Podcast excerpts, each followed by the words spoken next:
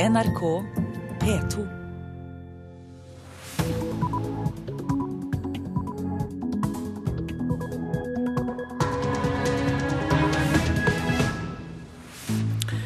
Øystein Heggen ønsker deg velkommen til eh, Nyhetsmorgen. Torsdag 6. mars, og dette er hovedsakene nå klokka 6.30. EU innfører sanksjoner mot 18 ukrainere, blant dem tidligere president Viktor Janukovitsj og sønnene hans. Nå vil eh, flere kommuner også overta ansvaret for de videregående skolene. Det ansvaret for driften av de videregående skolene mener vi er fornuftig å prøve ut og få en pilotprosjekt i Tromsø kommune og se om det fungerer bra.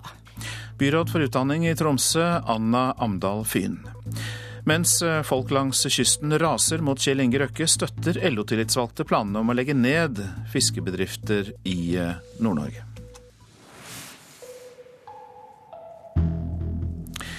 Vi går først til spørsmålet om hvem som skal drifte de videregående kommunene. Flere kommuner vil nemlig overta driften. I Tromsø vil kommunen overta seks videregående skoler. Dette er kanskje en drøm, men helt urealistisk, svarer Utdanningsforbundet.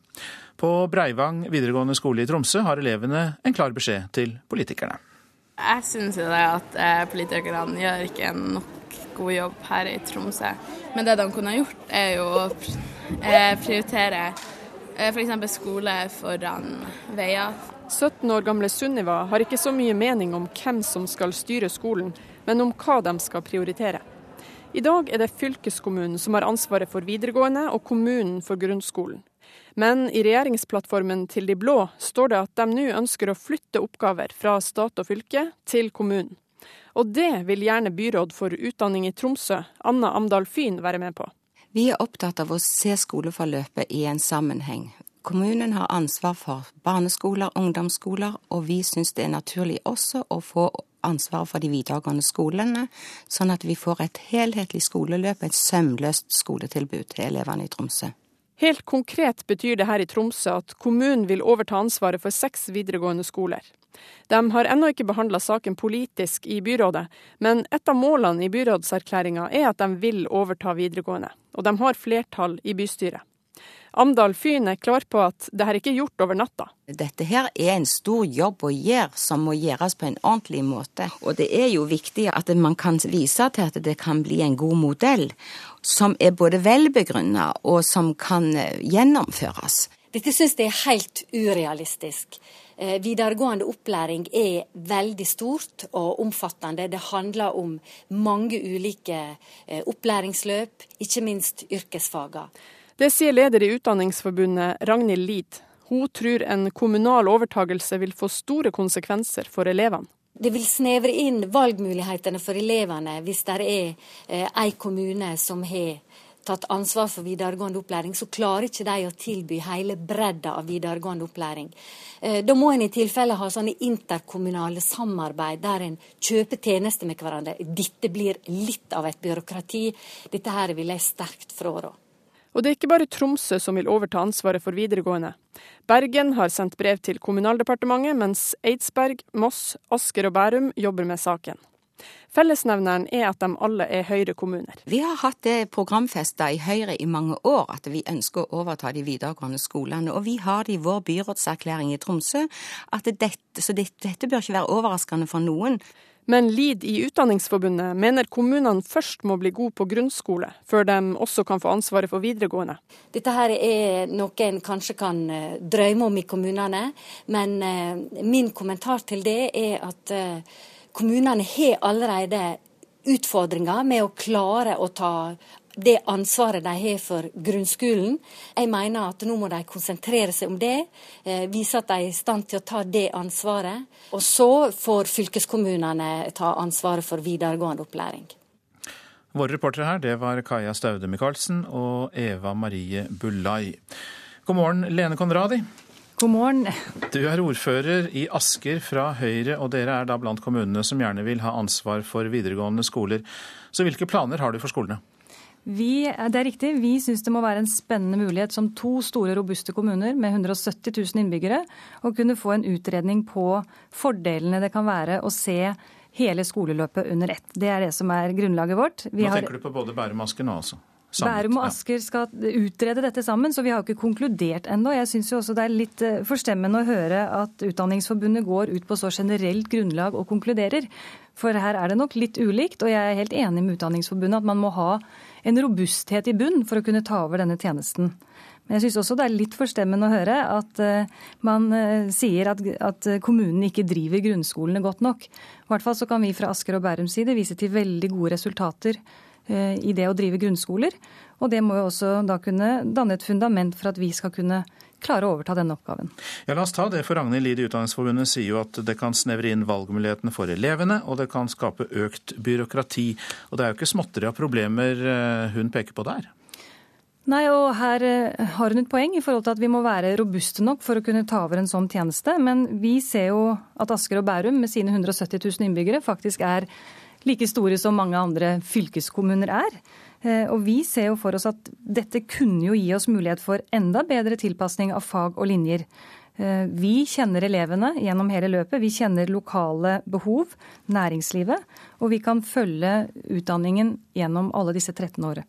Men har dere gjort dere opp noen tanker om hvordan dere kan gjøre disse skolene annerledes? Drifte dem annerledes enn fylket? Altså, det viktigste for oss er ikke si, hvordan vi drifter dem, de skal driftes godt. Og det er jo de samme lærerne og de samme rektorene som skal eh, drive undervisning, og det er det som er viktig. Men vi tror altså vi kan hente noen gevinster ved å se dette under ett. Og vi kjenner jo elevene gjennom eh, grunnskolen, og gjennom også resten av støtteapparatet vi har ansvar for i kommunene. Eh, og Der ser vi at vi kanskje da kan komme tidligere inn i et bedre individuelt tilrettelagt opplegg, og også jobbe tettere på i forhold til dette med frafall i videregående skole, som er veldig viktig. Er det bare utdanningsidealisme som driver dere, eller kan det også være en fordel for dere å få um, pengene her? Som drifter disse skolene, at det kan være greit å ha så mange millioner kroner eh, tilgjengelig for å drifte hele skoleløpet? Nei, det er på ingen måte en argumentasjon vi er opptatt av. Vi er opptatt av elevenes beste, vi er opptatt av skoletilbudet.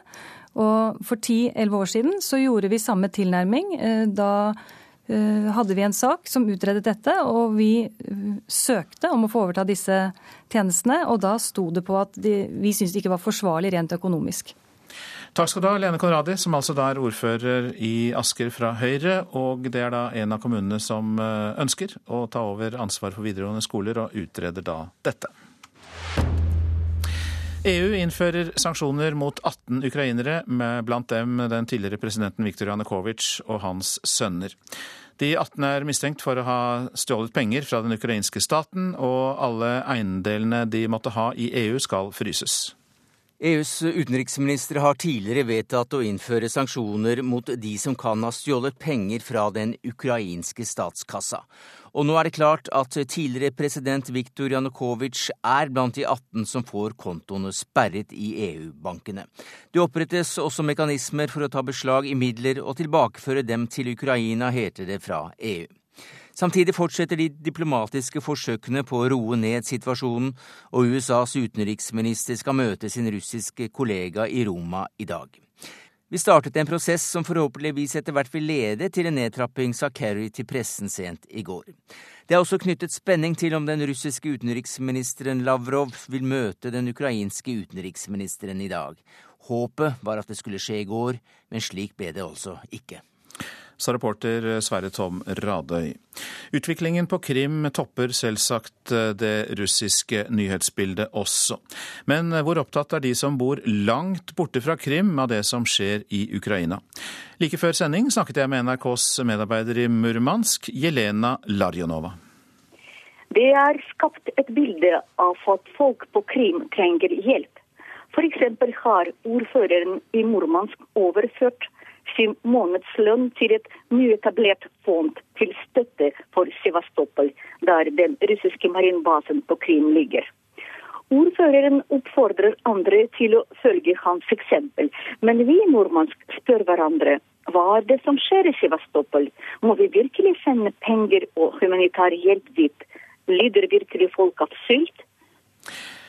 Føler dere at dere får eh, korrekt informasjon om det som skjer på Krim? Vanskelig å si, fordi alle TV-kanalene og de fleste avisene er fulle av massiv propaganda. Det gir inntrykk av at det blir katastrofe i Ukraina uten russisk støtte.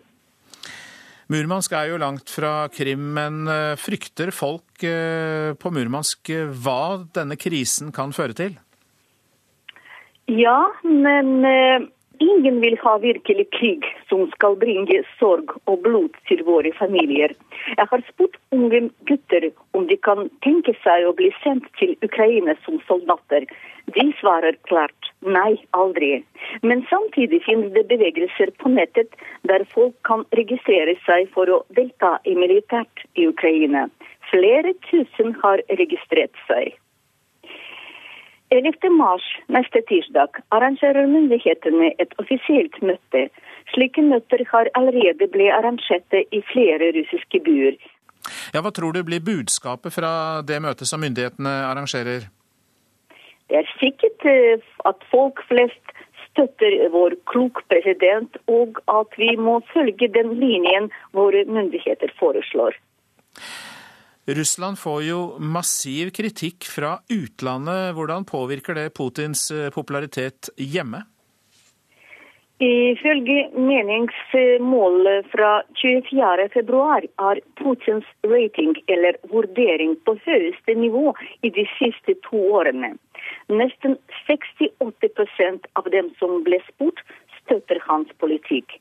Det er selvfølgelig mest pga. stor suksess av olympiske leker, men forskere også knytter det med hans klok politikk mot Ukraina. Litt paradoksalt, fordi ifølge samme undersøkelsen 70% er mot ideen at Kremlin blander seg i situasjonen i Ukraina. Det er jo tette bånd mellom Russland og Norge i nord. Russerne i grensetraktene kan jo reise visumfritt til Norge f.eks. Kan det som skjer nå få noe å si for samarbeidet mellom Norge og Russland? Nei, det tror jeg ikke. Det må ikke være noen forandringer i våre gode forbindelser her i nord. Noen selvfølgelig peker på at Norge er Nato-medlem, men hittil var det ingen signaler at det blir påvirkninger på vårt samarbeid pga. situasjonen i Ukraina. Ja, det rapporterte Jelena Larjanova, som er NRKs medarbeider i Murmansk. Så tar vi for oss avisene her hjemme. Barn bør svette en time hver dag, kan vi lese i Aftenposten. Helsemyndighetene går for første gang ut med råd om lek og trening for stillesittende barn. Hver femte jente på ni år her i landet er overvektig, viser undersøkelse. Oppgjør med testhysteriet. PISA-pioner med skarp kritikk av målingen, skriver Klassekampen. Professor Ulf Lundgren, som var med på å starte de internasjonale elevtestene, sier at det legges for mye vekt på PISA-testene og at de tilskrives mytiske egenskaper. Samfunnet forventer det perfekte, og at vi fjerner det som er annerledes, sier Geir Lippestad til Dagsavisen. Hans datter var multihandikappet og døde i fjor, 17 år gammel, men levde et rikt liv og med mye glede, sier Lippestad. 1100 borte fra jobb hver dag. Sykefraværet i Trondheim kommune er fortsatt skyhøyt, skriver Adresseavisen i dag. Tre år etter at prosjektet Langtidsfrisk ble satt i verk, er sykefraværet fortsatt på 9,6% Kommunen klarer ikke å redusere fraværet, og det koster oss alle millioner hvert år, skriver avisa. En av ti må gå i Telenor. Selskapet ber alle 4000 ansatte i Norge om å vurdere sluttpakke, skriver Dagens Næringsliv.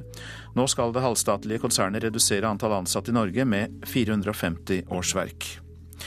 Kjøp kornsiloene selv, sier landbruksminister Sylvi Listhaug til Felleskjøpet. Stavanger havnesilo er landets største kornlager, og kan bli revet før utredningen om beredskapslagring av korn er klar. Men landbruksministeren sier til Nasjonen at Felleskjøpet som deleier av kornlageret har lagt det ut for salg og må rydde opp selv. Politiet beslagla et Munch-bilde hjemme hos narkotikasmugleren som beskylder politimannen i Oslo for korrupsjon, skriver VG i dag. Selvportrettet av Edvard Munch ble kjøpt kontant. Kunstselgeren fortviler og sier han fikk sjokk da han hørte hvem kjøperen var.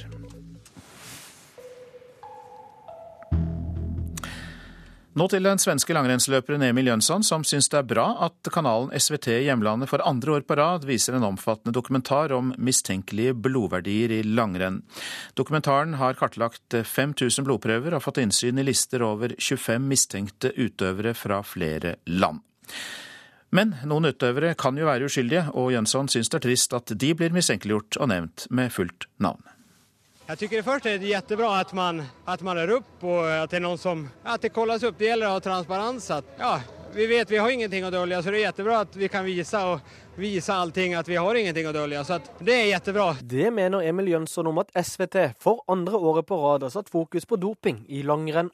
I går viste kanalen dokumentaren kalt 'Skiløpernes hemmelige blodverden', og der ble det bl.a. stilt spørsmål til Anders Auklands blodverdier på starten av 2000-tallet. Og akkurat det synes den svenske skiløperen er uheldig. Det finnes de som ikke alls skal havne i noen dopingrubriker. Får jo en sånn smell, kanskje og få rubriker mot seg, som man har sett nå på siste tiden. Og Det kan jeg tykke er litt synd, når man, når man vet at de har ingenting å dølge. Jønsson er selv åpen om sine egne blodverdier. Har vel de på datoen, skulle jeg tro. De er ganske, ganske like hele tiden, så det er noe inget spesielt der. Og han mener det er viktig å få frem at høye blodverdier på ingen måte tilsier bruk av ulovlige midler. Man ser når man trener veldig hardt en uke, eller når man har kjørt på høy høyde. og når det finnes ulike, Jeg har hatt et veldig høyt, eller et lite høyere verdi hadde jeg, da var jeg magsjuk. Så det, liksom, det, det, det, slår jo også, så at man har ikke eksakt like verden hele tiden heller. Så det, det, er feil når man, når man tror at just det er, er doping. vi er alle ulike, og alle har ulike verden, så det er spesielt. Reporter her, det var Anders Mjåland.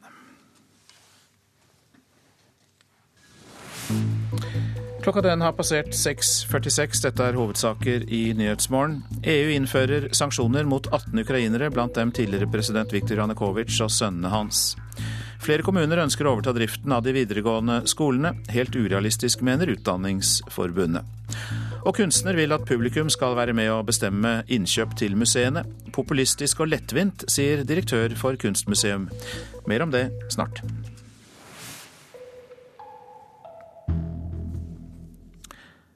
Norway Seafoods planer eh, om å kutte virksomheten i Nord-Norge har skapt raseri og opprør blant folk på kysten, men LO støtter planene. Under LOs fylkeskonferanse i Finnmark uttalte hovedtillitsvalgt i Røkke-selskapet, Bjarne Kristiansen, at omorganiseringen var helt nødvendig. Alternativet var å selge hele bedriften, sa han.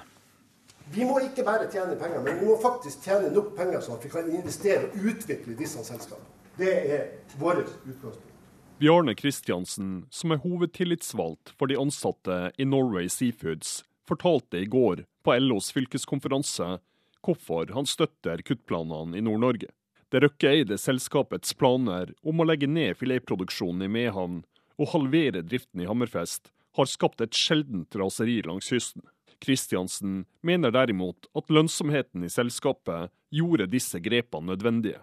Alternativet var at Aker solgte hele Norway Seafood, sier han. Det var et alternativ om man skulle selge eller om at man skulle satse videre. Og Så valgte man å satse videre med bakgrunn i at man måtte faktisk gjøre noen grep for at man i det hele tatt var villig til å satse videre. Og det er jo den linja vi har gått av. Men det, hvor, hvor, mye realitet var det i, i den vurderinga av at man kunne selge det? Ja, altså jeg må jo si at når at et eh, alternativ kommer opp fra administrasjon til styret, så må man jo ta det alvorlig. Kristiansen er derfor også kritisk til Kystaksjonen, som mandag samla rundt 500 personer til protest utenfor Stortinget. Jeg oppfatter det dit hen at utgangspunktet for den aksjonen som har vært, det har vært noe som jeg faktisk kunne stille meg bak. og Det var hvordan man skulle klare å få fram ei næring som også er, skaffer sikre arbeidsplasser og ei inntjening. Men hadde, etter hvert så hadde det dreid seg om en hets mot ett selskap, og det kan ikke jeg stille meg bak. Og Kristiansen fikk i går full støtte fra LOs fylkessekretær i Finnmark, Bjørn Johansen. Vi mener at uh, Røkke sitt navn blir altfor uh, stor grad trukket frem, og de, nå skal de liksom ta han Røkken. Uh, det er vitterlig flere i denne næringa. La oss heller diskutere rammevilkår for hele næringa, og ikke bare én aktør. Det reagerer vi litt på.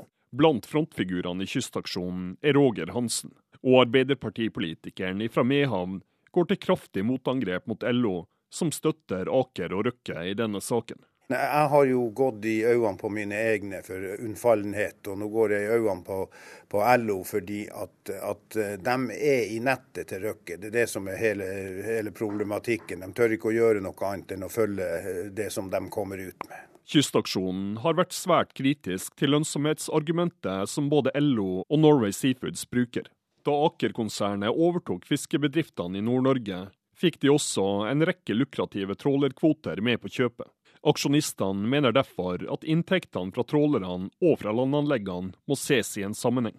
Ifølge Bjarne Kristiansen har det samla overskuddet fra sjø- og landsida vært opp mot 60 millioner kroner enkelte år. Men dette er for lite til å ha en sunn drift i selskapene, mener han.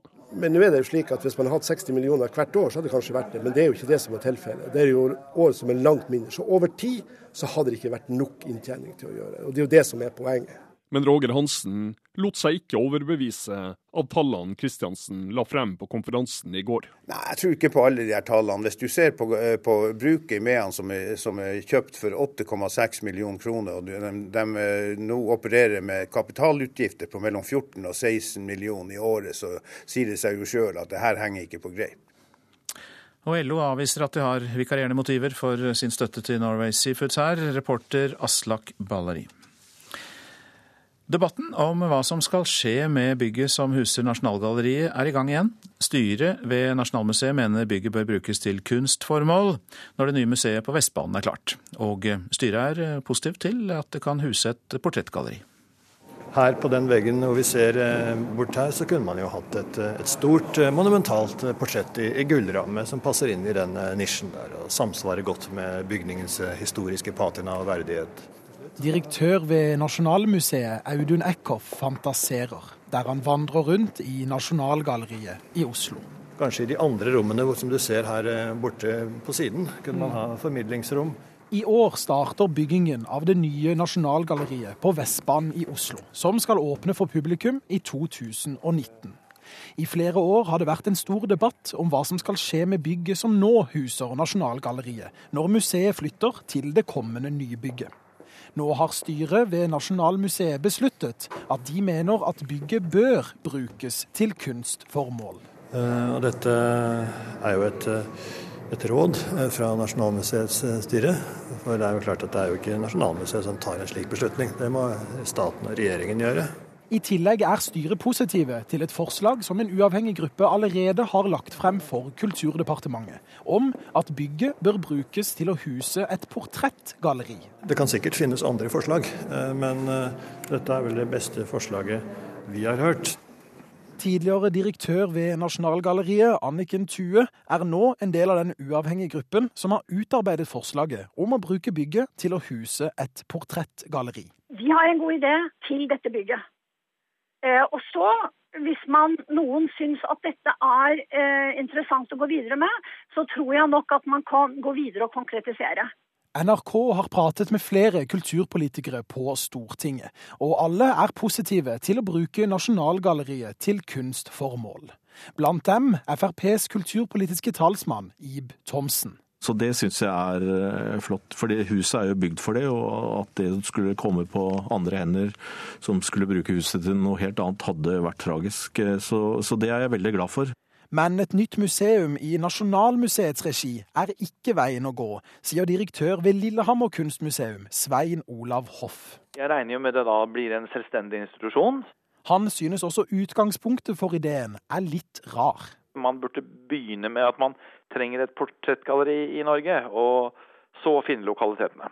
Eckhoff selv vil ikke si noe om det er Nasjonalmuseet som eventuelt skal huse et slikt portrettgalleri, men håper beslutningen om hva som skal skje med bygget, skjer innen få år. Så jeg håper jo at i løpet av et år eller to at, at man kommer nærmere en, en beslutning. Og Kulturdepartementet skriver i e-post til NRK at de er informert om ideen om et portrettgalleri i Nasjonalgalleribygningen. Det er ett av en rekke innspill om etterbruk. Reporter her, det var Christian Ingebretsen. Kunstmuseene bør la publikum være med å bestemme innkjøp av kunst. Ja, det mener kunstner og kunstskolelektor John Øyvind Eggesbø, som lanserer denne ideen i en ny utstilling ved Stavanger kunstmuseum. Nei, det er lettvint og populistisk, mener den nylig avgåtte direktøren ved Kunstmuseet i Trondheim. Det her er Linda Karin Larsen, som er nyutdanna fra Akademiet i Oslo. Kunstner Jon Øyvind Eggesbø viser fram ett av 83 verk fra lokale kunstnere i Rogaland. Han viser dem fram på Stavanger kunstmuseum som en samlet installasjon. Ingen av de er innkjøpt av Kunstmuseet. Så det her er et potensial for museet. Eggesbø, som også er rektor ved Kunstskolen i Rogaland, vil få fram at museenes dårlige økonomi går ut over samlingene. F.eks. har Stavanger et budsjett på 12 millioner kroner i år, og bare 790 000 kroner til å kjøpe kunst for. NRK får opplyst at situasjonen er den samme i Bergen, Trondheim og Kristiansand. Ved å involvere publikum kan man både få litt ekstra penger og mye goodwill, mener Eggesbø. Så jeg tenkte, Hvorfor ikke la publikum gjøre det valget? Hvilken av de arbeidene her kan publikum se for seg blir en del av samlinga? Det er jo kontroversielt, men jeg ber publikum som har stemt, foreslår jeg at det donerer eh, en hundrelapp til innkjøp av lokalkunst. Men dette enkeltprosjektet er ikke nok. Kunstmuseene må tørre å involvere publikum også på generelt grunnlag framover, mener Eggesbø. Jeg tenker at de kan leke litt mer med det systemet de har. Det går an å spørre publikum oftere. Og så mener jeg at de skal presentere her har vi ti gode verk som vi har lyst til å kjøpe inn, og som burde vært en del av samlinga, men vi har kun råd til ett av de. Hjelp oss med å bestemme hvilket det skal være, og hjelp oss med å bidra økonomisk, så vi kanskje kan kjøpe to i stedet for ett. Ja, den, eh, har, den, har, ikke jeg tenkt på faktisk, så den må jeg få lov å tenke litt på. Sier fungerende direktør ved Stavanger kunstmuseum, Vibeke Salte. Men den nylig avgåtte direktøren ved Trondheim kunstmuseum, Pontus Giander, er ikke nådig i sin dom over forslaget. Jeg syns det der prosjektet både dumt og litt billig. Det er en lettkjøpt poeng det der at slippe inn all kunsten og publikum bestemme. Det finnes så mange andre overveielser når man kjøper inn et bestemt verk. Og Det handler ofte om å utvide museets samlinger i en bestemt retning. Og Alt det der kaster man faktisk i sjøen da, når man plutselig gjør det hele til, til noe som avgjøres gjennom en avstemning. Det, det er et slags populisme i det hele. Man er redd for det populistiske. Men altså, jeg sier ikke i min installasjon at det skal enten være folket eller fagmakta. Jeg sier at ja, men la oss, oss danse litt annerledes. Jeg, jeg tenker museer trenger å være mye mer dialog med sitt publikum. Og den som fanget opp eh, disse meningene, var Anette Johansen Espeland, som var eh, reporter i Stavanger. Så skal vi ta for oss eh, værvarselet. Fjellet i Sør-Norge sørvestlig liten kuling utsatte steder. I nord stiv kuling, litt snø vesentlig i vestlige strøk. Regn under om lag 800 meter i fjellet, altså. Østlandet og Telemark perioder med litt regn. Lokal tåke. Fra i ettermiddag perioder med liten kuling. Agder regn av og til, mest i vestlige strøk og lokal tåke. Rogaland og Hordaland sørlig liten kuling på kysten, perioder med sterk kuling i nord. Regn, snø i høyereliggende strøk. Sogn og Fjordane sørlig sterk kuling på kysten, liten storm i nord. Fra i ettermiddag liten kuling og stiv kuling ved Stad. Det blir regn, i høyden snø. Det var altså Sogn og Fjordane. Nå til Møre og Romsdal og Trøndelag. Sørlig liten kuling utsatte steder. På kysten dreining til sørvest sterk kuling. I kveld minker vinden. Litt regn, snø i høyereliggende strøk. Vi går til Nordland. Sørlig, seinere sørvestlig stiv kuling på kysten og av og til liten storm. Regn, snø i høyden. Troms sørlig stiv kuling utsatte steder. Fra i ettermiddag sørlig sterk kuling på kysten. Litt regn fra vest. Sludd eller snø i indre strøk. Finnmark sørlig stiv kuling utsatte steder. Litt snø i øst og på vidda. Ellers opphold og perioder med sol. I kveld øking til sørvestlig periodevis sterk kuling i Finnmark. Av og til litt snø, regn på kysten. Nordensjøland på Spitsbergen sørøstlig liten kuling. I kveld minkende til bris og spredt snø. Så tar vi for oss temperaturene som ble målt klokka fire. Svalbard lufthavn minus to, Kirkenes null, og for øvrig er det kun plussgrader. Vardø to, Alta og Tromsø fire, Bodø seks. Brønnøysund og Trondheim-Værnes også seks grader. Molde ti, Bergen-Flesland og Stavanger seks grader. Kristiansand-Kjevik fire. Gardermoen og Lillehammer to, Røros én grad og Oslo-Blindern fire grader. Og så nevner vi at vi etter klokka sju får besøk av Janne Haaland Matlari, professor i internasjonal politikk ved Universitetet i Oslo. Hun skal kommentere krisen mellom Russland og Ukraina. Vi tar eh, også inn rapporter fra Krim og om dagens krisemøte i EU.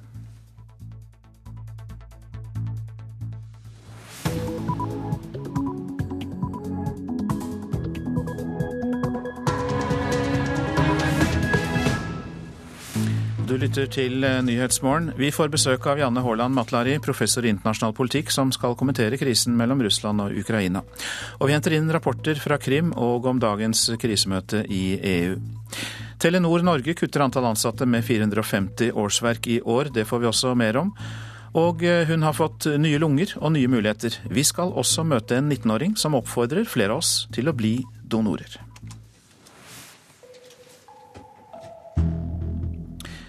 Ja, I dag møtes EUs regjeringssjefer i et krisemøte for å finne ut hva de skal eh, reagere på når det gjelder det de kaller en aggressiv handling på Krim. Utenriksministrene i EU har satt en tidsfrist eh, til eh, å innføre straffetiltak. Så da spør vi deg, europakorrespondent Åse Marit Befring, hvor sannsynlig er at det kommer sanksjoner? Ja, Det har jo blitt klarere og klarere de siste dagene at det er vanskelig for EU-landene å, å, samle seg om økonomiske sanksjoner. Så selv om de truet med dette når utenriksministrene møttes eh, denne mandagen forrige mandag, eh, og satt en slags tidsfrist til dette møtet her i dag, når stats- og regjeringssjefene skal møtes, så eh, er det vanskelig å se for seg at de klarer å bli enige om dette. For verken Frankrike, Italia, Nederland eller Storbritannia vil ha økonomiske sanksjoner sanksjoner mot Russland fordi de frykter motreaksjoner. I London eh, frykter finansdistriktet for det. Eh, man frykter jo også for at eh, russerne vil skru igjen gasskranene, som, som vil ramme EU hardt. Så Man har altså en situasjon der enkelte land i øst, med Sverige, ønsker å ta alle midler i bruk, mens da denne handelen mellom EU og Russland gjør at veldig, veldig mange sier nei til dette. Så hvilke virkemidler har EU da? Ja, Dette er jo en alvorlig test for EUs utenrikspolitikk. fordi at I mangel å bli enige om det, så må de prøve å finne andre måter for å klare å være troverdige etter at de nå har satt denne fristen. Eh, så Det mest sannsynlige utfallet er at de vil eh, fryse alle forhandlinger mellom EU og Russland eh, om handelssamarbeid og om visumsamarbeid. Og Dette er jo da forhandlinger som likevel har stått i stampe i årevis, så det vil jo ikke gjøre store forskjellen.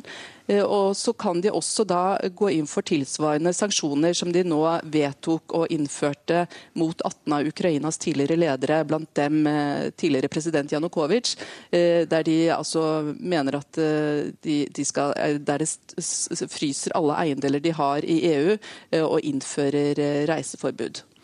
Så disse individuelle sanksjonene mot disse har man altså allerede satt i verk? Ja, De eh, ble satt i verk eh, i går, antagelig med virkning fra i dag. Eh, og Det er et tydelig signal på at EU mener at de har stjålet penger fra den ukrainske stat, og dermed så fryser de nå alle eiendeler de har i EU. Og Ukrainas statsminister også med på dette EU-toppmøtet? Ja, statsminister Jatsenuk er eh, med for både å diskutere den videre politiske prosessen i landet og den økonomiske situasjonen. Og nå vedtok jo EU i går eh, en hjelpepakke på 11 milliarder euro til Ukraina, noe som nesten matcher de 15 milliardene som russerne la på bordet eh, rett før jul, da Janukovitsj trakk seg fra EUs eh, forhandlinger. Så det å hjelpe Ukraina så effektivt som mulig, det kan eh, nå oppleves som en trussel for Putin, eh, og kan kanskje også presse ham til en dialog, og er kanskje blitt det sterkeste kortet som EU har nå. Takk skal du ha i denne omgang, også Marit Befring, vår eh, europakorrespondent. Og da ønsker vi deg velkommen, Janne Haaland Matlari. Eh, det er jo eh, selvfølgelig Du er professor i internasjonal politikk ved Universitetet i Oslo, for å legge til det. Hvorfor er det så vanskelig for EU å bli enige om eh, straffetiltak? Det er fordi at to ting. Handelsforbindelsene spiller viktigere rolle for de fleste EU-landene enn sikkerhetspolitikken. Og dette man våger rett og slett ikke, eller man vil ikke ta risiko i å utfordre eller presse Putin. Forholdet til Russland er mye viktigere enn forholdet til Ukraina. Så her eh, ser vi igjen at eh, viktige prinsipper som å gjøre noe med at eh, man bruker aggresjon, militær aggresjon som utenrikspolitisk middel, som vi ser russerne nå gjør, det, eh, det, er altså på en måte forferdelig for Vesten, for det er jo et brudd på hovednormen i internasjonal politikk etter annen verdenskrig. Men eh, det er ikke viktig nok til at man våger risikere noe eller ofre noe i i, i en reaksjon. Sånn at Frankrike vil fortsette å selge eh, krigsskip som de har en avtale med Russland om. Britene vil verne om russiske investeringer i City. Eh, tyskerne er avhengig av russisk gass osv. Da har vi det paradokset at handel, som jo man gjerne kaller fredsskapende, bidrar til at det er vanskelig å reagere på voldshandlinger. Ja, jeg vil jo si at Hvis vi tenker på hva burde EU nå gjort, så er det jo innlysende at det som kunne eh, gi retning til Ukraina og gi et eh, virkelig være et alternativ for Ukraina, det er jo medlemskap i EU. Det er det eneste som kan reformere på innsiden. Vi ser det at kandidatland til EU de må endre korrupsjonskulturer og de må endre autoritære styresett. Men det har ikke kommet et pip om det fra EUs side. Du blir med oss videre, Janne Haaland Matlare, Matlari, for vi eh, søker kontakt eh, mot nettopp Ukraina og utenriksreporter Jan Espen Kruse på Krim. Hvordan har natten vært der? Ja, Det har ikke vært noen spesielle hendelser, ingen spesiell dramatikk. Men eh, altså eh, Russiske soldater omringer eh, fremdeles eh, de aller fleste, faktisk alle, eh, de ukrainske militære anleggene på Krimhalvøya. Og Noen har de overtatt, noen eh, omringer de. Og, og blokkerer altså for ukrainske Eh, militære, slik at de ikke kommer ut fra eh, anleggene de er på. Eh, men det er ikke meldt om, om spesielt dramatiske hendelser i natt. I dag skal de observatører fra Organisasjonen for sikkerhet og samarbeid i Europa, OSSE, komme til området. Hva slags oppgaver får de? Ja, De skal jo eh, overvåke situasjonen, vurdere hvor dramatisk eh, det er her. Eh, de skal ha møter med begge sider i konflikten. Representanter for de russiskspråklige, for det store russiskspråklige flertallet. Og også for, for ukrainerne. Da gjelder jo det også de militære som er her. Det er jo militære observatører som skal komme. Sånn at de, de skal undersøke påstandene som kommer fra ukrainsk side, påstander som kommer fra, fra russisk side, hva, hva som er den reelle situasjonen. I går ble jo spesialutsendingen fra FN truet av maskerte menn på Krim og har eh, flyktet. Hva sier det om situasjonen? Ja, Det sier jo ganske mye om situasjonen. Eh, når FNs spesialutsending ikke kan oppholde seg her. Han ble truet av maskerte menn. Altså han, eh, og, og han våget ikke lenger å være her. Han etterlot seg et brev hvor han sier at nå må partene besinne seg og, og, og, og normalisere mer situasjonen. Ehm, men, men, det viser jo altså hvor, hvor, spent det er, hvor harde konfrontasjonene er mellom de to eh, sidene her. Hva kan eh, være et eh, diplomatisk initiativ for det hele tatt å løse opp i dette, tror du, Kruse? Ja, Det tror jeg sitter fryktelig langt inne. Utenriksminister, USAs utenriksminister John Kerry skal møte eh, sine russiske kollega eh, Sergej Lavrov i, i, Roma i dag. Eh, men i går så ville jo ikke Lavrov engang snakke med den, ukrainske, den nye ukrainske utenriksministeren eh, i Paris han hadde muligheten. Eh, så hvordan Kerry og Lavrov skal eh, komme opp med noen trylleformel her, det, det ja, Jeg har ikke så veldig stor tro på det, men det er naturligvis eh, viktig for Vesten å legge press på, på de russiske myndighetene. Takk skal du ha, Jan Espen Kruse, som rapporterte fra Krim. Ja, Janne Haaland eh, Matlari, i en eh, privat telefonsamtale mellom USAs president Barack Obama og Angela Merkel skal den tyske forbundskansleren ha uttrykt at Putin har et helt annet, en helt annen virkelighetsoppfatning enn andre. Hva tenker du om det? Ja, Da sier jeg hvem definerer virkeligheten i internasjonal politikk? Altså den realpolitikken som unnskyld, som Putin står for, er jo den samme type realpolitikk som vi ser mange steder i verden. Altså i Kina, som driver, Kina driver en sånn nervekrig med Japan om eh, øyer i Kina, Sør-Kina-havet og osv. Så, videre. så her er det jo ingen overraskelse at uh, Russland vil ha sin stormaktstatus tilbake, og det er hoved, hovedlinjen. Og da gjelder det at man ikke Eh, mister Ukraina. Man mister ikke liksom sitt heartland til eh, Vesten, til EU. Eh, e og da vet man jo at etter EU-medlemskap så følger nesten med en gang, eller noen få år etterpå, Nato-medlemskap. Så, så, her gjelder det geopolitikk, sikkerhetspolitikk. Og utenrikspolitikk. Og jeg kan ikke se at det er noe interesseoverlapp i denne Altså foreløpig er det overhodet ikke det. Fordi at Lavrov, som er kanskje den mest mesterlige politiker i eh, internasjonalt diplomati. Altså han har vært med han er en ringrev fra mange, mange tiår tilbake. Han kan alt om både folkerett og hvem som er hvem. Han vil selvfølgelig ikke møte noen fra en regjering som ikke er en regjering. Fordi at eh, For russerne så er jo dette et statskupp. Og her har på en måte EU gjort opp regning uten vert ved å være vertskap for denne avtalen, som da ble brutt eh, like etterpå. Så Janukovitsj skulle jo sittet som president frem til nyvalget. Så det eneste jeg kan tenke meg som en mulig forhandlingstematikk nå, er at, eh, at EU eller Kerry og vest, vestlige land sier at eh, vi må få et nyvalg i Ukraina med en eneste gang for å få en regjering som også Russland kan forholde seg til. Takk for den orienteringen, Janne Haaland Matlari, som er professor i internasjonal politikk ved Universitetet i Oslo. Flere land er så irritert på norsk barnevern at de nekter å samarbeide om retur av asylsøkere med endelig avslag. Et titall stater krever at norsk barnevern slutter å gripe inn i familier fra deres land.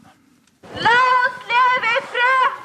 La oss leve i fred! Slipp en gruppe innvandrere demonstrerer mot det de kaller maktmisbruk i barnevernet. De roper at de vil ha barna sine i fred.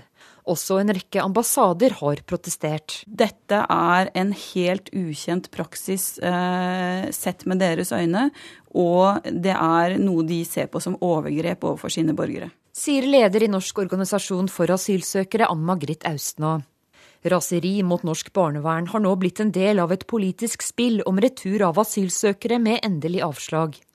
En rekke ambassader har engasjert seg i barnevernssaker som angår deres borgere. Hvis ikke barna får komme hjem til foreldrene sine, nekter ambassadene å samarbeide om retur av asylsøkere. Man får ikke tvangsreturnert dem. For selv med tvangsretur så må det være en enighet mellom norske myndigheter og det landets myndigheter som skal ta imot den tvangsreturnerte, at retur faktisk kan finne sted. Men så lenge det er uløste konflikter knytta til barnevern, så forhindrer det et samarbeid om eh, uttransportering.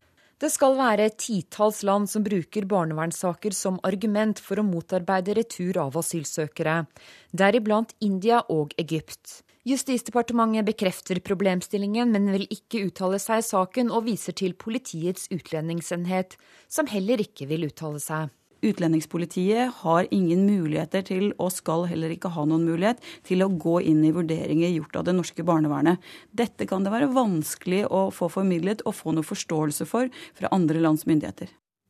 Reportere Line Tomter og Ellen Wiseth. Marit Hoff, du er med oss på telefon og er barnevernssjef i bydelen Alna i Oslo, der dere jobber tett opp mot også ikke-etnisk norske familier. Ja. Og eh, ja, eh, hvorfor har utenlandske familier skepsis til det norske barnevernet? Eh, det kan gjerne ha sammenheng med at eh, det vestlige eh, barnevernet, som ikke bare finnes i Norge, men i mange europeiske land, det fremstår som ukjent. En ukjent konstruksjon i land som lengre, ligger lenger borte, og hvor dette med barn er familiens ansvar, og hvor myndighetene ikke har eh, verken interesse for eller grunnlag for å interessere seg for eller blande seg inn i det.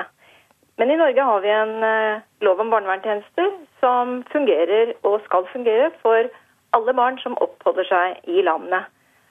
Har du noen eksempler på um, den dårlige tilliten som kan oppstå mellom familier fra andre land og norsk barnevern?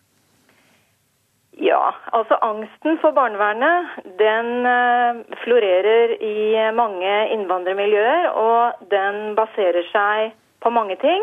Eh, man har dårlig informasjon. Det drives for lite generell informasjon om våre arbeidsoppgaver.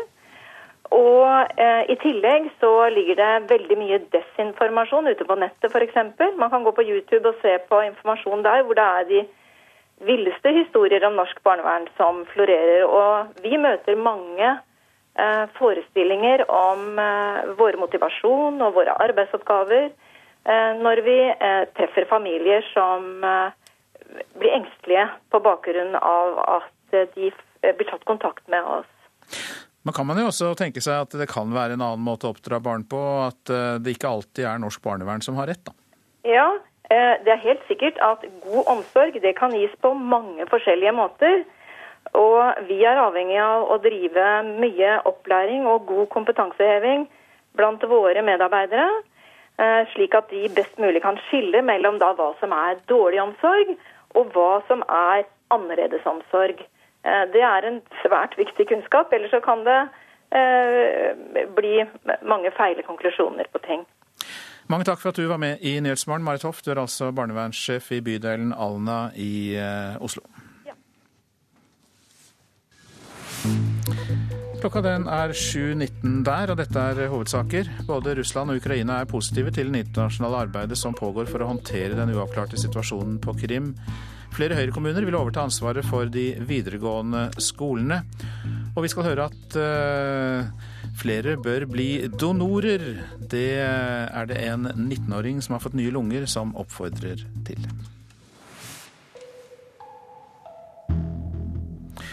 Tillitsvalgte i Telenor Norge, Per Gunnar Salomonsen, reagerer sterkt på at Telenor har satt 400, at 450 ansatte kan, årsverk kan bli sagt opp.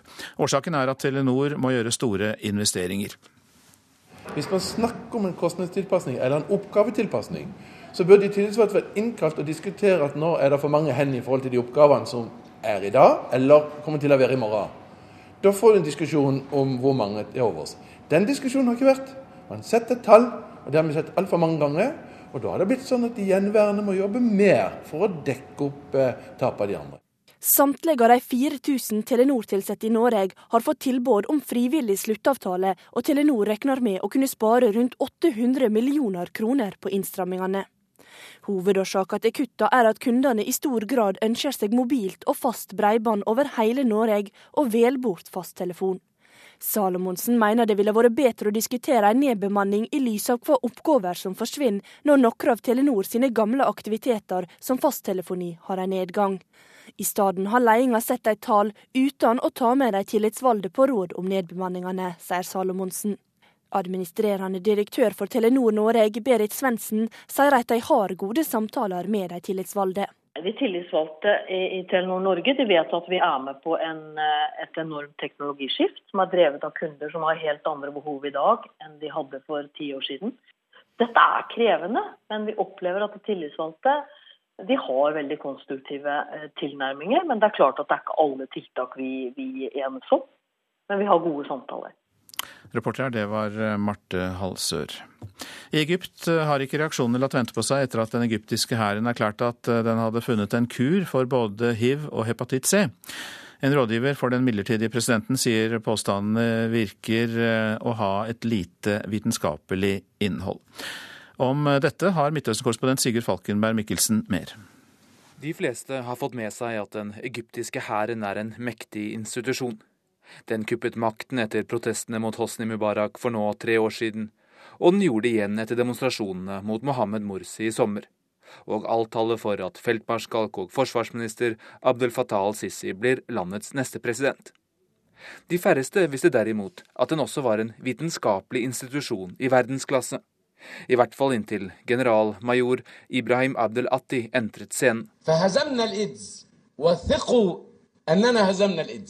ولم ولم ولن نستورد في يوم من الايام مصر På en pressekonferanse nylig erklærte han nemlig at den egyptiske hæren har funnet en kur mot aids og hepatitt C. Og ikke bare det, behandlingen er 100 vellykket. En annen talsmann var litt mer beskjeden og sa at den kurerte sykdommene i 90 av tilfellene. De har funnet opp en maskin som med elektromagnetiske stråler diagnostiserer sykdommene uten behov for blodprøve. Den kalles Cfast og iFast, mens maskinen som behandler dem kalles Complete Cure Device. Den kan til overmål også behandle hudsykdommen psoriasis. فكلهم فيهم رجال كل فرد في القوات المسلحة رجال وليس رجل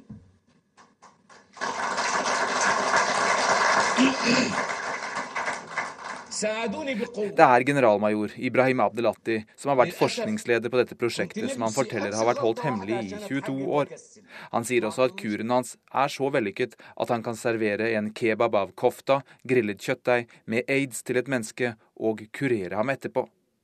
Han takket også feltmarskalk al-Sisi for inspirasjon i arbeidet. Al-Sisi var til stede i salen da dette vitenskapelige gjennombruddet ble annonsert, men har ikke kommentert det i etterkant. Egypt har ikke en spesiell høy andel hiv-smittede, men hepatitt C er et alvorlig folkehelseproblem her i landet. Det antas at 10% av befolkningen er smittet av viruset som angriper leveren. Det er en dødelig sykdom som det hittil ikke har vært funnet noen medisin mot. Selv om det har kommet rapporter fra USA om vellykkede terapier som er meget kostbare. Den egyptiske varianten derimot er svært billig. Hvis den da virker. Og det er det selv stemmer internt i regjeringsapparatet som tillater seg å tvile på offentlig. Saeed Heggi, den vitenskapelige rådgiveren til den midlertidige presidenten Adli Masur, sa til avisen Al-Watan at maskinen ikke virker overbevisende og ikke har noen tydelig vitenskapelig grunnlag. På sin Facebook-side skrev han at vitenskapelige institusjoner må underlegge seg internasjonale normer når de framlegger sine forskningsresultater. Ingen uavhengige forskere har vært involvert i den egyptiske hærens arbeid, eller testet resultatet etterpå. Kanskje naturlig nok, siden prosjektet har vært topp hemmelig. Så gjenstår å se om maskinen blir tatt i bruk i juni, slik hæren sier, og om den virker. For de åtte millioner egyptere som lider av hepatitt C, er dette ingen spøk. Så tar vi for oss det avisene har på forsidene. Barn bør svette en time hver dag, kan vi lese i Aftenposten. Helsemyndighetene går for første gang ut med råd om lek og trening for stillesittende barn. Undersøkelse viser at hver femte jente på ni år i land, her i landet er eh, overvektig. Oppgjør med testhysteriet. PISA-pioner med skarp kritikk av målingen, skriver Klassekampen. Professor Ulf Lundgren, som var med på å starte de internasjonale elevtestene, sier at det legges for mye vekt på PISA-testene, og at de tilskrives mytiske egenskaper. Samfunnet forventer det perfekte og at vi fjerner det som er annerledes, sier Geir Lippestad til Dagsavisen. Hans datter var multihandikappet og døde i fjor, 17 år gammel, men levde et rikt liv og med mye glede, sier Lippestad. 1100 borte fra jobb hver dag. Sykefraværet i Trondheim kommune er fortsatt skyhøyt, skriver Adresseavisen. Tre år etter at prosjektet Langtidsfrisk ble satt i verk, er sykefraværet fortsatt på 9,6 Like før hun døde, fikk Elin Ordemann fra Bergen lykkepiller av fastlegen og ble sendt hjem for å hvile. Obduksjonen avdekket lungekreft med spredning, skriver Bergens Tidende. Helsetilsynet ga fastlegen advarsel for uforsvarlig behandling, men døtrene til 62-åringen mener reaksjonen er altfor mild. Kjøp kornsiloene selv, sier landbruksminister Sylvi Listhaug til Felleskjøpet. Stavanger kornsilo er landets største kornlager og kan bli revet før utredningen om beredskapslagring av korn er klar. Men landbruksministeren sier til Nasjonen at Felleskjøpet som deleier av kornlageret har lagt ut for salg og må rydde opp selv.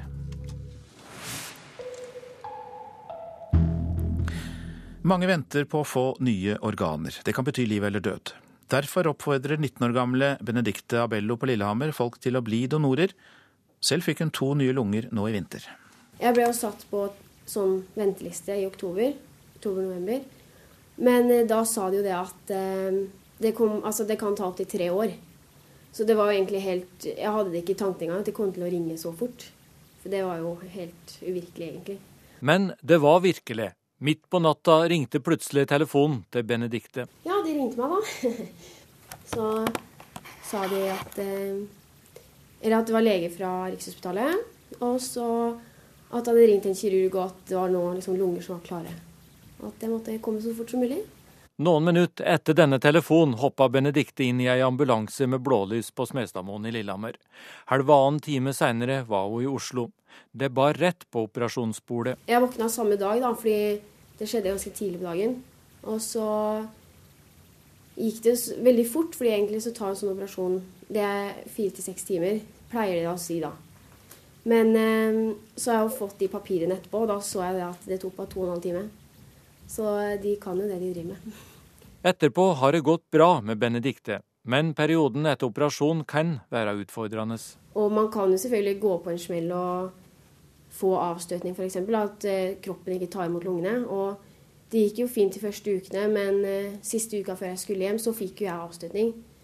Og da Altså, det skjer jo ikke noe Det er ikke noe sånn akutt om å bytte lunger igjen og sånne ting. Det er bare at eh, de setter i gang en kur som du må gå på i noen dager. Og så tester de deg gjennom noen uker, og da ser man hvordan det går. Nå håper Benedicte at flere sier fra om de kan være donor hvis uhellet skulle være ute. Eh, det er jo viktig at alle på en måte gjør, gjør det de kan da, for å kanskje redde en annens liv hvis det er mulig. Og de fleste kan jo være donorer. Det er jo mange, altså Vi har jo sju organer man kan donere bort. Og det er jo klart at da kan man jo redde sju liv, da, hvis man selv er uheldig.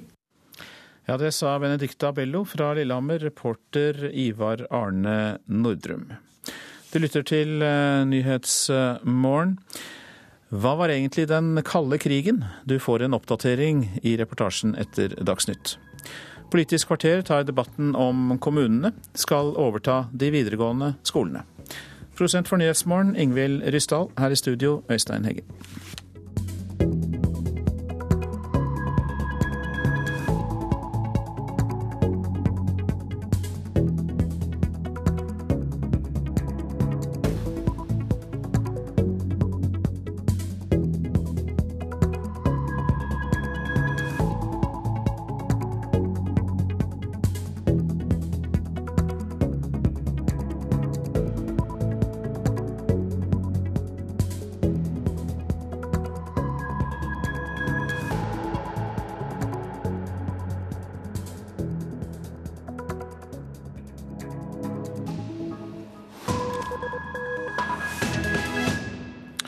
Vi fast at det er Nyhetsmorgen du lytter til.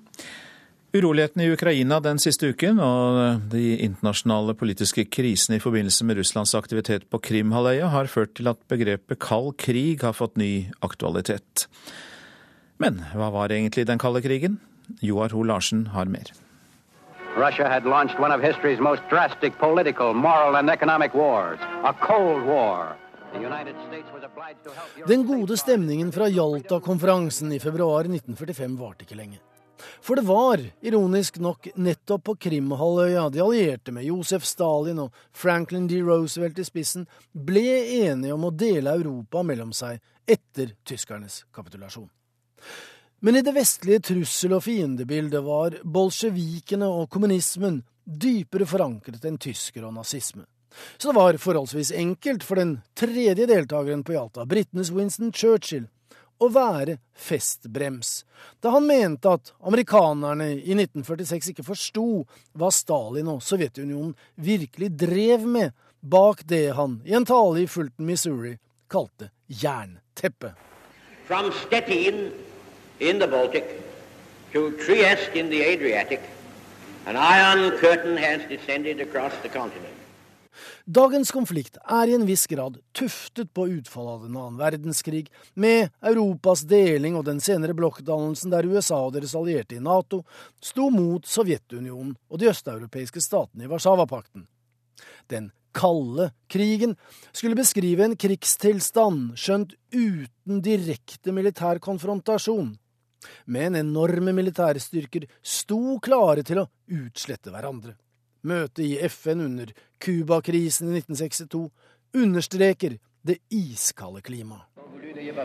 I'm prepared to wait for my answer until hell freezes over, if that's your decision. Blokkene sto mot hverandre på alle felt. Det var lite eller ingen kontakt folk imellom. Jernteppet var på mange måter en ugjennomtrengelig barriere. Den gjensidige kunnskapen var begrenset, men propagandaen fungerte.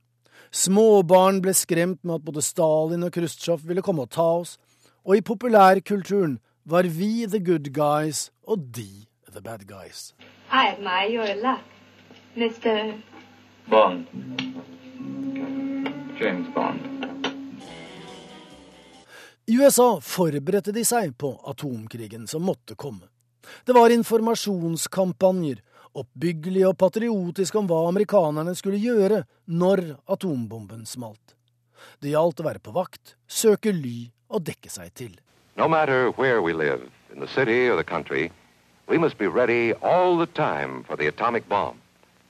Duck and cover. That's the first thing to do. Duck and cover. Slutten på den kalde krigen ble innledet da Sovjetunionens leder Mikhail Gorbatsjov begynte å snakke om glasnost, åpenhet, og den symbolske slutten var Berlinmurens fall i 1989. Mr. Gorbachev, tear down this wall. Selv om president Putin i dag forsøker å gjenreise Russland som den stormakten landet var i sovjettiden, så er perioden med kald krig over. Det var en strukturell og ideologisk kamp om et slags verdensherredømme. I dag er verden bedre rustet til å finne fredelige kanaler ut av konflikter. Det finnes avtaler, systemer og rutiner, skjønt ingen garantier. Men stormaktene snakker sammen riktignok ofte forbi hverandre, men glasnost er kommet for å bli. Du lytter til Nyhetsmorgen, dette er hovedsaker. Flere utenlandske ambassader nekter å samarbeide om retur av asylsøkere. Årsaken er irritasjon over det norske barnevernet. Internasjonalt diplomati jobber på høygir for å løse konflikten på Krim. EU innfører sanksjoner mot 18 ukrainere, blant dem tidligere president Viktor Janukovitsj og sønnene hans. Flere høyrestyrte kommuner vil overta ansvaret for videregående skoler. Helt urealistisk, mener Utdanningsforbundet.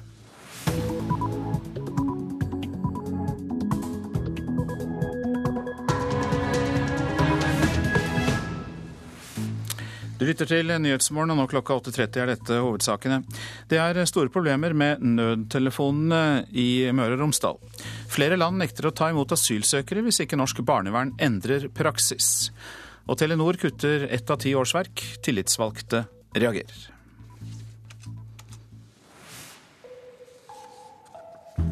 Det er eh, store kommunikasjonsproblemer på Sunnmøre. Både nødnettet, fasttelefoner, bredbånd og mobilnett ligger helt eller delvis nede.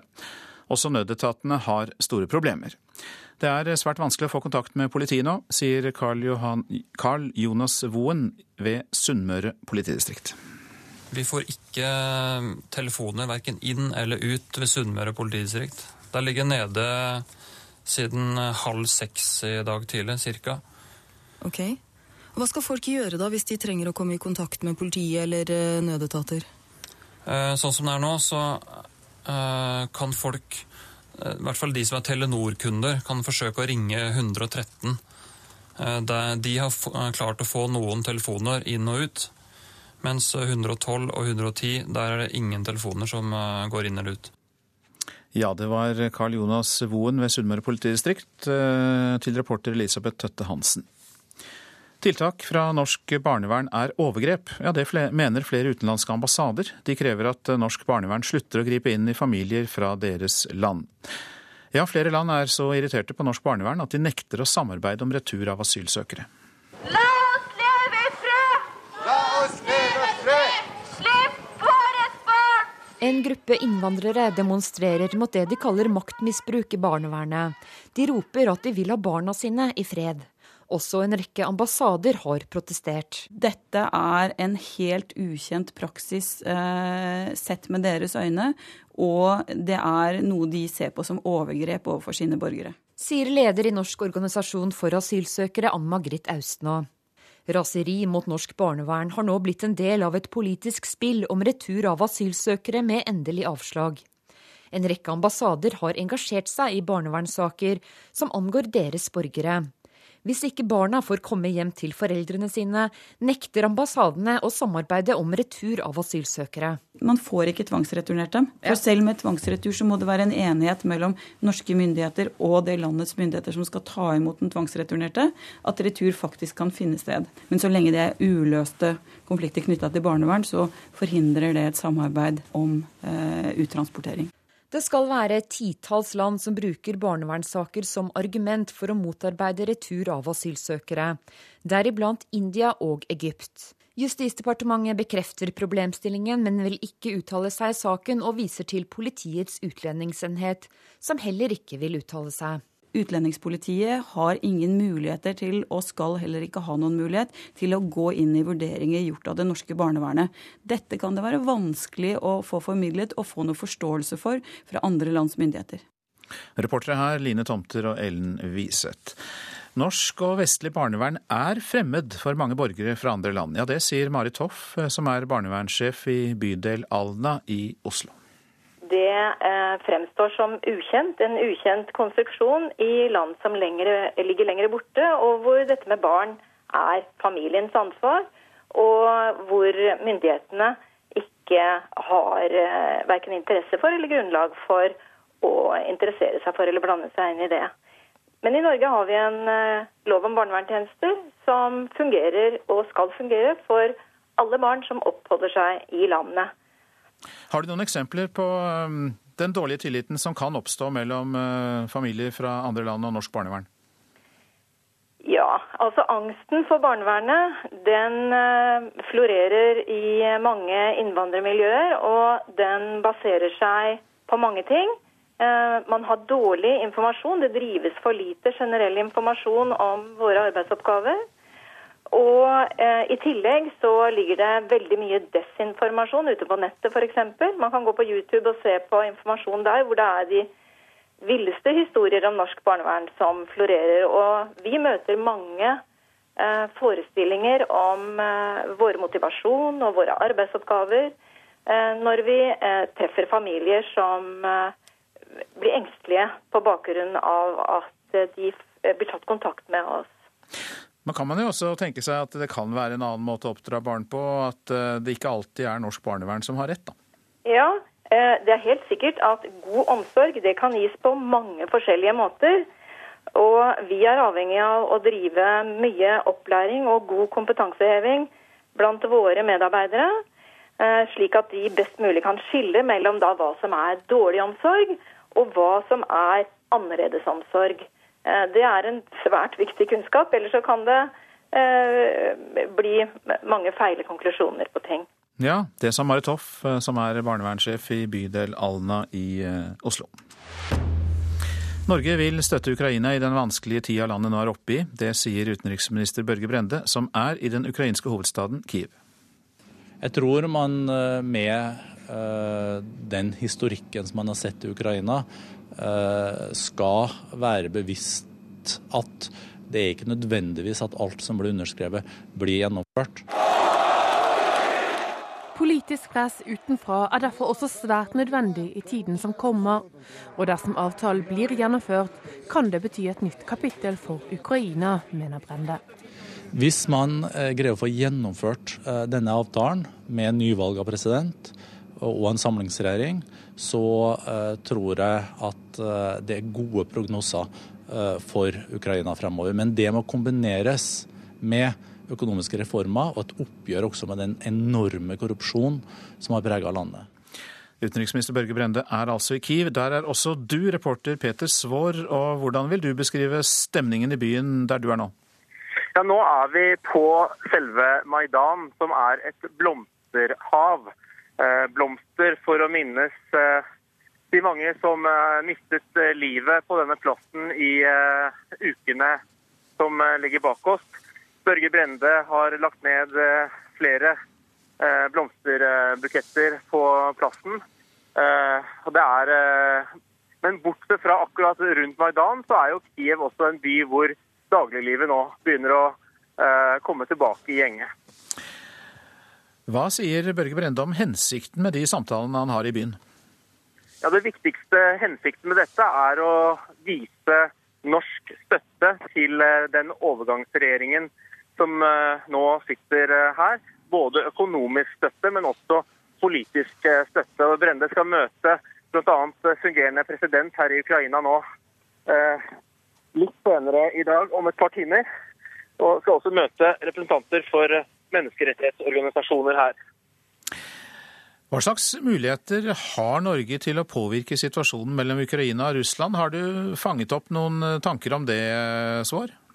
Det er jo særlig dette med økonomisk støtte. Den ukrainske regjeringen er i en eh, desperat økonomisk situasjon og har behov for, for uh, midler for å rett og slett kunne drive videre. Der har jo EU nå gått ut med en stor, eh, lovnad om en ganske stor økonomisk hjelpepakke. og Brende signaliserer at Norge også vil være med på den. Men det handler også om å vise eh, støtte til eh, overgangsregjeringen her, og til den prosessen som forhåpentligvis skal lede til at det blir skrevet ut nyvalg her i Ukraina senere i år. Takk skal du ha, reporter Peter Svaar, som altså rapporterte fra Maidan i Kiev. EU innfører sanksjoner mot 18 ukrainere, blant dem tidligere president Viktor Janukovitsj og sønnene hans. Men omfattende handel med Russland gjør det vanskelig for EU-landene å bli enige om sanksjoner. Ja, det sier Janne Haaland Matlari, professor i internasjonal politikk ved Universitetet i Oslo. Handelsforbindelsene spiller viktigere rolle for eh, de fleste EU-landene enn eh, sikkerhetspolitikken. Og man vil ikke ta risiko i å utfordre eller presse Putin. Forholdet til Russland er mye viktigere enn forholdet til Ukraina. Så her eh, ser vi igjen at eh, viktige prinsipper som å gjøre noe med at eh, man bruker aggresjon, militær aggresjon, som utenrikspolitisk middel, som vi ser russerne nå gjør, det, eh, det, er altså på en måte forferdelig for Vesten, for det er jo et brudd på hovednormen i internasjonal politikk etter annen verdenskrig. Men eh, det er ikke viktig nok til at man våger å risikere noe eller ofre noe i, i, i, en reaksjon. Sånn at Frankrike vil fortsette å selge eh, krigsskip som de har en avtale med Russland om. Britene vil verne om russiske investeringer i City. Eh, tyskerne er avhengig av russisk gass osv. Da har vi det paradokset at handel, som jo man gjerne kaller fredsskapende, bidrar til at det er vanskelig å reagere på voldshandlinger. Ja, jeg vil jo si at hvis vi tenker på hva burde EU nå gjort, så er det jo innlysende at det som kunne eh, gi retning til Ukraina og gi et eh, virkelig være et alternativ for Ukraina, det er jo medlemskap i EU. Det er det eneste som kan reformere på innsiden. Vi ser det at kandidatland til EU de må endre korrupsjonskulturer og de må endre autoritære styresett. Men det har ikke kommet et pip om det fra EUs side. I en eh, privat telefonsamtale mellom USAs president Barack Obama og Angela Merkel skal den tyske forbundskansleren ha uttrykt eh, at Putin har helt annet Eh, en helt annen virkelighetsoppfatning enn andre. Hva tenker du om det? Ja, Da sier jeg hvem definerer virkeligheten i internasjonal politikk? Altså Den realpolitikken som, som, Putin står for, er jo den samme type realpolitikk som vi ser mange steder i verden. Altså i Kina, som driver, Kina driver en sånn nervekrig med Japan om eh, øyer i Kina, Sør-Kina-havet. Og her er det jo ingen overraskelse at Eh, Russland vil ha sin stormaktstatus tilbake, og det er hoved, hovedlinjen. Og da gjelder det at man ikke eh, mister Ukraina. Man mister ikke liksom sitt heartland til eh, Vesten, til EU. Og da vet man jo at etter EU-medlemskap så følger nesten med en gang, eller noen få år etterpå, Nato-medlemskap. Så det eneste jeg kan tenke meg som en mulig forhandlingstematikk nå er at, eh, at EU eller Kerry og vest, vestlige land sier at eh, vi må få et nyvalg i Ukraina med en eneste gang for å få en regjering som også Russland kan forholde seg til. Ja, det sa professor i internasjonal politikk ved Universitetet i Oslo, Janne Haaland Matlari. Sverre Tom Rade, velkommen i studio. Jo, takk. Det er nemlig ikke bare det høflige diplomatiet som preger de vestlige forsøkene på å roe situasjonen på Krimhalvøya. Det har du mer om? Ja, Denne utenriksminister Kerry sier jo da at han håper samtalen med sin russiske kollega skal føre til eh, redusert spenning, bl.a. i møtene de skal ha i dag. Eh, men samtidig så går eh, utenriksdepartementet hans ut og offentliggjør det de kaller president Putins fiksjoner, eller Putins ti løgner om Ukraina. Ja, hva består de i? Den første er ifølge nyhetsbyrået Reuters at russiske styrker på Krim bare passer på russiske militære installasjoner, og at det ikke er russiske soldater, men lokale selvforsvarsgrupper som har overtatt ukrainsk infrastruktur og militæranlegg. Så ramses det da opp på rekke og rad, alt fra påstander om at hundretusener av mennesker i Ukraina søker asyl i Russland, og at det har vært omfattende ukrainske angrep på kirker og synagoger etc. Denne lista den avsluttes med en kommentar der det heter at verden ikke har sett så fantastisk russisk fiksjon siden Dostojevskij skrev at det ikke er uten en viss interesse at to pluss to er fem. Så det er altså med litt rare referanser i dette papiret fra amerikansk UD. Men uh, dette er egentlig bare bagateller i forhold til gårsdagens uttalelse fra Hillary Clinton, den tidligere utenriksministeren i USA, der hun altså sammenlignet Putin med Hitler, noe hun nå strever for å jobbe seg ut av. Takk for at vi fikk innsikt i dette gjennom deg, Sverre Tom Radøy, utenriksreporter. Ja, Du lytter til Nyhetsmorgen. Klokka den går mot 8.44. Vi har disse hovedsakene. Det er store problemer med nødtelefonen i Møre og Romsdal. Norsk barnevern har blitt en del av et politisk spill. Flere land nekter å ta imot asylsøkere hvis ikke norsk barnevern endrer praksis. Og Tillitsvalgte i Telenor reagerer sterkt på at konsernet skal kutte 450 årsverk i Norge. Det skal vi straks høre mer om. For tillitsvalgt i Telenor Norge, Per Gunnar Salomonsen, er en av dem som reagerer. Årsaken til kutt i 450 årsverk er ifølge Telenor at selskapet må gjøre store investeringer. Og Per Gunnar Salomonsen reagerer på at de ansatte ikke har blitt rådført, og mener at det ikke er 450, altså det antallet, som bør være en fasit her. Hvis man snakker om en kostnadstilpasning eller en oppgavetilpasning, så burde de tillitsvalgte vært innkalt og diskutere at nå er det for mange hender i forhold til de oppgavene som er i dag, eller kommer til å være i morgen. Da får du en diskusjon om hvor mange det er over oss. Den diskusjonen har ikke vært. Man setter et tall, og det har vi sett altfor mange ganger. Og da har det blitt sånn at de gjenværende må jobbe mer for å dekke opp eh, tapet av de andre. Samtlige av de 4000 Telenor-ansatte i Norge har fått tilbud om frivillig sluttavtale, og Telenor regner med å kunne spare rundt 800 millioner kroner på innstrammingene. Hovedårsaken til kutta er at kundene i stor grad ønsker seg mobilt og fast bredbånd over hele Norge, og vel bort fasttelefon.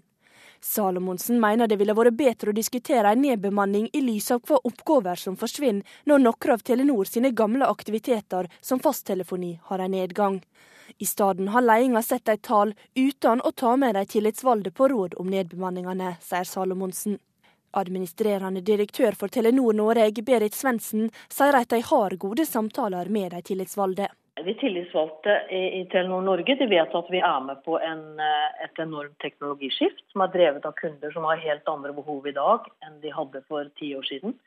Dette er krevende, men vi opplever at de tillitsvalgte de har veldig konstruktive eh, tilnærminger. Men det er klart at det er ikke alle tiltak vi, vi enes om. Men vi har gode samtaler. Reporter her, det var Marte Halsør. Så til deg, teleanalytiker Tore Årenes. Du er daglig leder i Norsk Telekom AS og er med oss fra studio i Trondheim. Kan du si litt mer om hvorfor Telenor føler at det er nødvendig å gjøre dette? Jeg tror kanskje det jeg vil si først, er at Telenor driver jo en rekke aktiviteter, både nye og gamle. Og de gamle aktivitetene de står jo nå for fall. Folk vil ikke ha fasttelefon. Og det er en rekke andre tjenester også som, som, avvikles. Og det som skjer, er at eh, de gamle tjenestene må jo fremdeles driftes, selv om det er færre kunder. Og eh, det er da slik at eh, gamle tjenester krever ofte mer folk. Mens de nye tjenestene, mobil, bredbånd etc., krever mindre folk. Så de moderne tjenestene krever mindre folk, mens de gamle tjenestene krever mer folk. Da leser jeg det er slik at dette da er klokt og fornuftig av Telenor? Ja, altså Telenor er et børsnotert selskap som eh, er en av verdensledende, og de må følge med i timen, og det er de flinke til. Og det er klart at Hvis du ser på antallet ansatte i Telenor Norge, så er det et ganske høyt tall i forhold til f.eks. For konkurrentene. Slik at uh, Telenor har en såkalt arv, som, som, er at de var alt De dekket alle typer tjenester, og nå må også de spisse seg mot, mot de nye tjenestene. 55% av det norske telemarkedet er i dag mobile tjenester. Og det er jo tjenester som har kommet i løpet av de siste ja, ca. 20 årene. Ja, de har en arv med seg, men er de flinke til å røske opp i den arven, syns du? Eh, det er det nok delte meninger om. Eh, og vi beveger oss også her inn på et regulatorisk område hvor Telenor er forpliktet til å holde en del av de gamle tjenestene eh, i virksomhet. Men det er da slik at de nye aktørene som Telenor må konkurrere mot, de er på en måte mye lettere i sin bevegelse. Nesten som vi kan sammenligne SAS og Norwegian. Vi hører stadig om at SAS nedbemanner, men vi hører sjelden om at eh, Norwegian gjør det, for de har en mer moderne flåte og kan drive tjenestene sine mer effektivt. Så jeg tror ikke det er noen dårlig analogi å sammenligne det, det som skjer i telekomverdenen med det som skjer i flyindustrien. Og så får jo alle tilbud om sluttpakke. Hva syns du om det grepet der? Nei, Nå er ikke jeg noen HR-person, men jeg syns det var et ganske ryddig tilbud. Alle får muligheten til å kanskje skaffe seg en billett med, med frislipp. Og det er da faktisk også slik at Hvis vi blar i dagens aviser, så ser vi at det er flere aktører nå som, som skal ansette flere folk. Både Ice, som har kjøpt seg nye mobillisenser, og Netcom, eller Telia Sonera, sier ut at de skal oppdatere sine personalstaber. Så you lose some and you win some. Men det betyr at eh, både de unge og de gamle i Telenor får på en måte samme tilbud om sluttpakke. Da kan jo Telenor risikere å miste noen av de eh, unge og eh, veldig driftige folkene de kanskje nettopp har ansatt?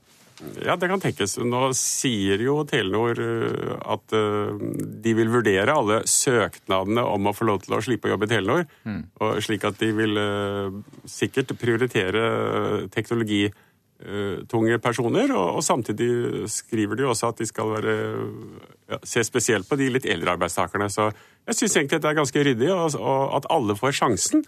Og så får vi se hvor det ender opp. Takk skal du ha for at du orienterte oss om dette, Tore Årenes, som er daglig leder i Norsk Telekom AS, og altså da en teleanalytiker. Vi skal tilbake til de store problemene med telefonnettet på Sunnmøre. Verken politiets eh, tjeneste, helseetatens eller brannvesenets nødnumre fungerer som de skal. Netcoms eh, nett virker ikke, Telenors nett fungerer delvis. Eh, politiet i Ålesund har satt inn ekstra mannskap, kjører ut i gatene slik at folk kan ta kontakt med dem der dersom det trengs. Vi har med oss deg, informasjonssjef Kristin Tønneson i Telenor. Vet du hvor feilen ligger nå? Dette er eh, forårsaket av en kraftfeil som gjør at vi nå har problemer med både mobil- og fastnettet i, i Møre og Romsdal. Eh, mobildekningen i deler av Ålesund, Giske, Haram, Hareid, Herøy og Ørsta er eh, sterkt redusert, og internett og fasttelefoni i deler av disse områdene er uh, utilgjengelig. Og nå har vi registrert problemet med mobilnett i deler av Sogn og Fjordane. Og Vi har full fokus på dette systemet nå, eh, både sentralt og med entreprenører ute ved sentralen vår i Ålesund. Hvor mange, hvor mange er rammet av det? Vi har ikke et, et, et, konkret antall på hvor mange som er rammet nå, men det er altså deler av disse områdene eh, som jeg nevnte. Nå sier du at dette er et strømforsyningsproblem. Hva kan da bli gjort med det? For det er vel ikke noe som ligger i det systemet dere har, eller eh, hva tror du om det? Ja, vi, vi leter nå, øh, og vi, vi, søker nå også i våre systemer for å, for å få full oversikt over situasjonen. Uh, og Det er først når vi, når vi, har den oversikten at at vi vet hva slags tiltak vi skal sette inn. Så Vi har eh, fokus på dette nå, både, både sentralt og med entreprenører ute, ute på, på, i Ålesund. Takk skal du ha, informasjonssjef Kristin Tønnesen i Telenor. Og det dreier seg altså om eh, problemene med telefonnettet på Sunnmøre. Verken politiets, helseetatens eller brannvesenets nødnumre fungerer som de skal. Netcoms eh, nett virker ikke, Telenors nett fungerer delvis. Høyre mener det er logisk at eh, hele skoleløpet drives fra ett sted. Flere Høyre-kommuner eh, ser på muligheten til å overta ansvaret for de videregående skolene, nemlig. Henrik Asheim sitter i utdanningskomiteen på Stortinget for Høyre og mener det er eh, viktig å se alt i en sammenheng, altså både grunnskole og videregående tror det er veldig bra hvis skoleeier ser hele skoleløpet, altså fra, faktisk helt fra barnehage og opp til elevene går ut av videregående skole i en sammenheng. Oslo er jo en kommune i dag som har ansvar for hele det løpet. og Det betyr at når de diskuterer drop-out i videregående, så ser de hva kan vi gjøre med tiltak i barne- og ungdomsskolen. Og det er dessverre sånn at hvis man da har ansvar for skolen fra første til tiende, så sitter man og tenker veldig på det. Og så kommer man da over til fylket, og der sitter det helt andre politikere med helt andre prioriteringer, og så tenker de annerledes, dessverre. I regjeringsplattforma til de blå står det at de ønsker å flytte oppgaver fra stat og fylke til kommunen. Derfor ønsker flere høyrestyrte kommuner nå å overta drifta av de videregående skolene, slik at de får ansvaret for hele skoleløpet. Utdanningspolitisk talsperson for Arbeiderpartiet, Trond Giske, mener dette vil gå ut over tilbudet til elevene. Under halvparten av norske kommuner har videregående skole. Eh, så hvis eh, kommunene skal overta eh, videregående, så vil veldig mange innbyggere i Norge ikke lenger ha innflytelse over det tilbudet som gis til deres innbyggere. Fordi at det vil f.eks. være de store byene som overtar, og så vil likevel elever fra andre kommuner komme til de eh, videregående skolene i en annen kommune. Sånn at jeg tror vi får mindre koordinering av hvilket tilbud som gir. Jeg tror vi får kanskje et mer spredt tilbud, istedenfor det vi trenger, eh, spissa faglige miljøer. Reporter her var Marte Halsør. Vi har funnet en kur for både hiv og hepatitt C. Ja, det påstår den egyptiske hæren, og reaksjonene har ikke latt vente på seg. En rådgiver for den midlertidige presidenten sier at påstandene virker eh, å ha lite vitenskapelig innhold. Midtøsten-korrespondent Sigurd Falkenberg Mikkelsen, som bor i Kairo, har sett nærmere på dette. De fleste har fått med seg at den egyptiske hæren er en mektig institusjon. Den kuppet makten etter protestene mot Hosni Mubarak for nå tre år siden, og den gjorde det igjen etter demonstrasjonene mot Mohammed Morsi i sommer. Og alt taler for at feltmarskalk og forsvarsminister Abdel Fattah al-Sisi blir landets neste president. De færreste visste derimot at den også var en vitenskapelig institusjon i verdensklasse. I hvert fall inntil generalmajor Ibrahim Abdel Atti entret scenen.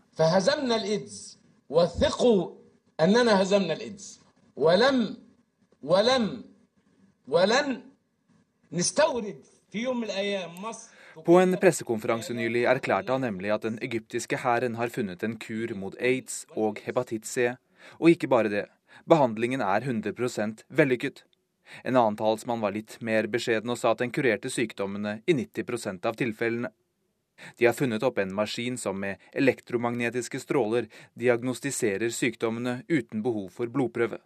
Den kalles CFAST og iFast, mens maskinen som behandler dem, kalles Complete Cure Device. Den kan til overmål også behandle hudsykdommen psoriasis.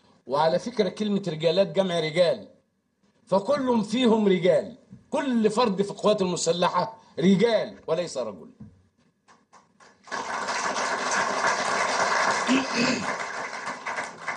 Det er generalmajor Ibrahim Abdelatti som har vært forskningsleder på dette prosjektet, som han forteller har vært holdt hemmelig i 22 år.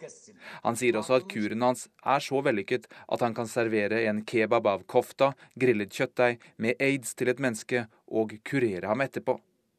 Han takket også feltmarskalk al-Sisi for inspirasjon i arbeidet. Al-Sisi var til stede i salen da dette vitenskapelige gjennombruddet ble annonsert, men har ikke kommentert det i etterkant. Egypt har ikke en spesiell høy andel hiv-smittede, men hepatitt C er et alvorlig folkehelseproblem her i landet. Det antas at 10% av befolkningen er smittet av viruset som angriper leveren. Det er en dødelig sykdom som det hittil ikke har vært funnet noen medisin mot. Selv om det har kommet rapporter fra USA om vellykkede terapier som er meget kostbare. Den egyptiske varianten derimot er svært billig. Hvis den da virker. Og det er det selv stemmer internt i regjeringsapparatet som tillater seg å tvile på offentlig. Saeed Heggi, den vitenskapelige rådgiveren til den midlertidige presidenten Adli Masur, sa til avisen Al-Watan at maskinen ikke virker overbevisende og ikke har noen tydelig vitenskapelig grunnlag. På sin Facebook-side skrev han at vitenskapelige institusjoner må underlegge seg internasjonale normer når de framlegger sine forskningsresultater. Ingen uavhengige forskere har vært involvert i den egyptiske hærens arbeid, eller testet resultatet etterpå. Kanskje naturlig nok, siden prosjektet har vært topphemmelig. Så gjenstår å se om maskinen blir tatt i bruk i juni, slik hæren sier, og om den virker. For de åtte millioner egyptere som lider av hepatitt C, er dette ingen spøk. Så værvarselet. Fjell i Sør-Norge. Sørvestlig liten kuling utsatte steder. I nord stiv kuling, litt snø. Vesentlig vestlige strøk. Regn under 800 meter. Østland og Telemark perioder med litt regn. Lokal tåke. Fra i ettermiddag perioder med liten kuling. Agder får regn av og til i dag, mest i vestlige strøk, og lokal tåke kan det bli.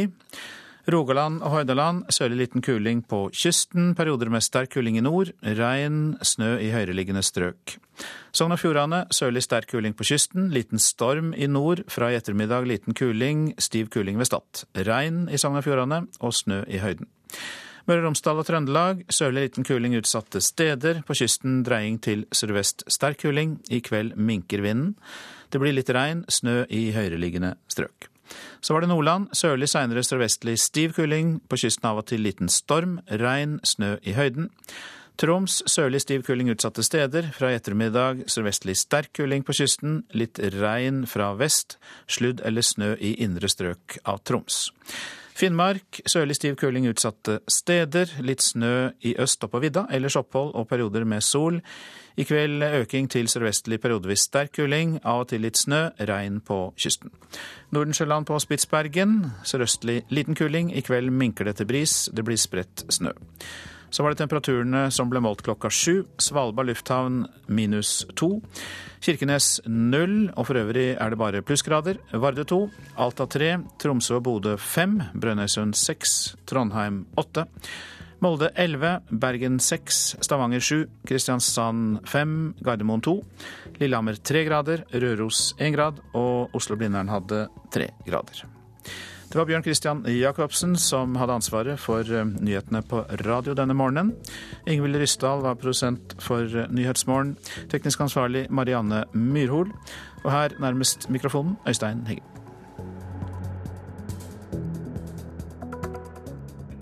Hør flere podkaster på nrk.no podkast.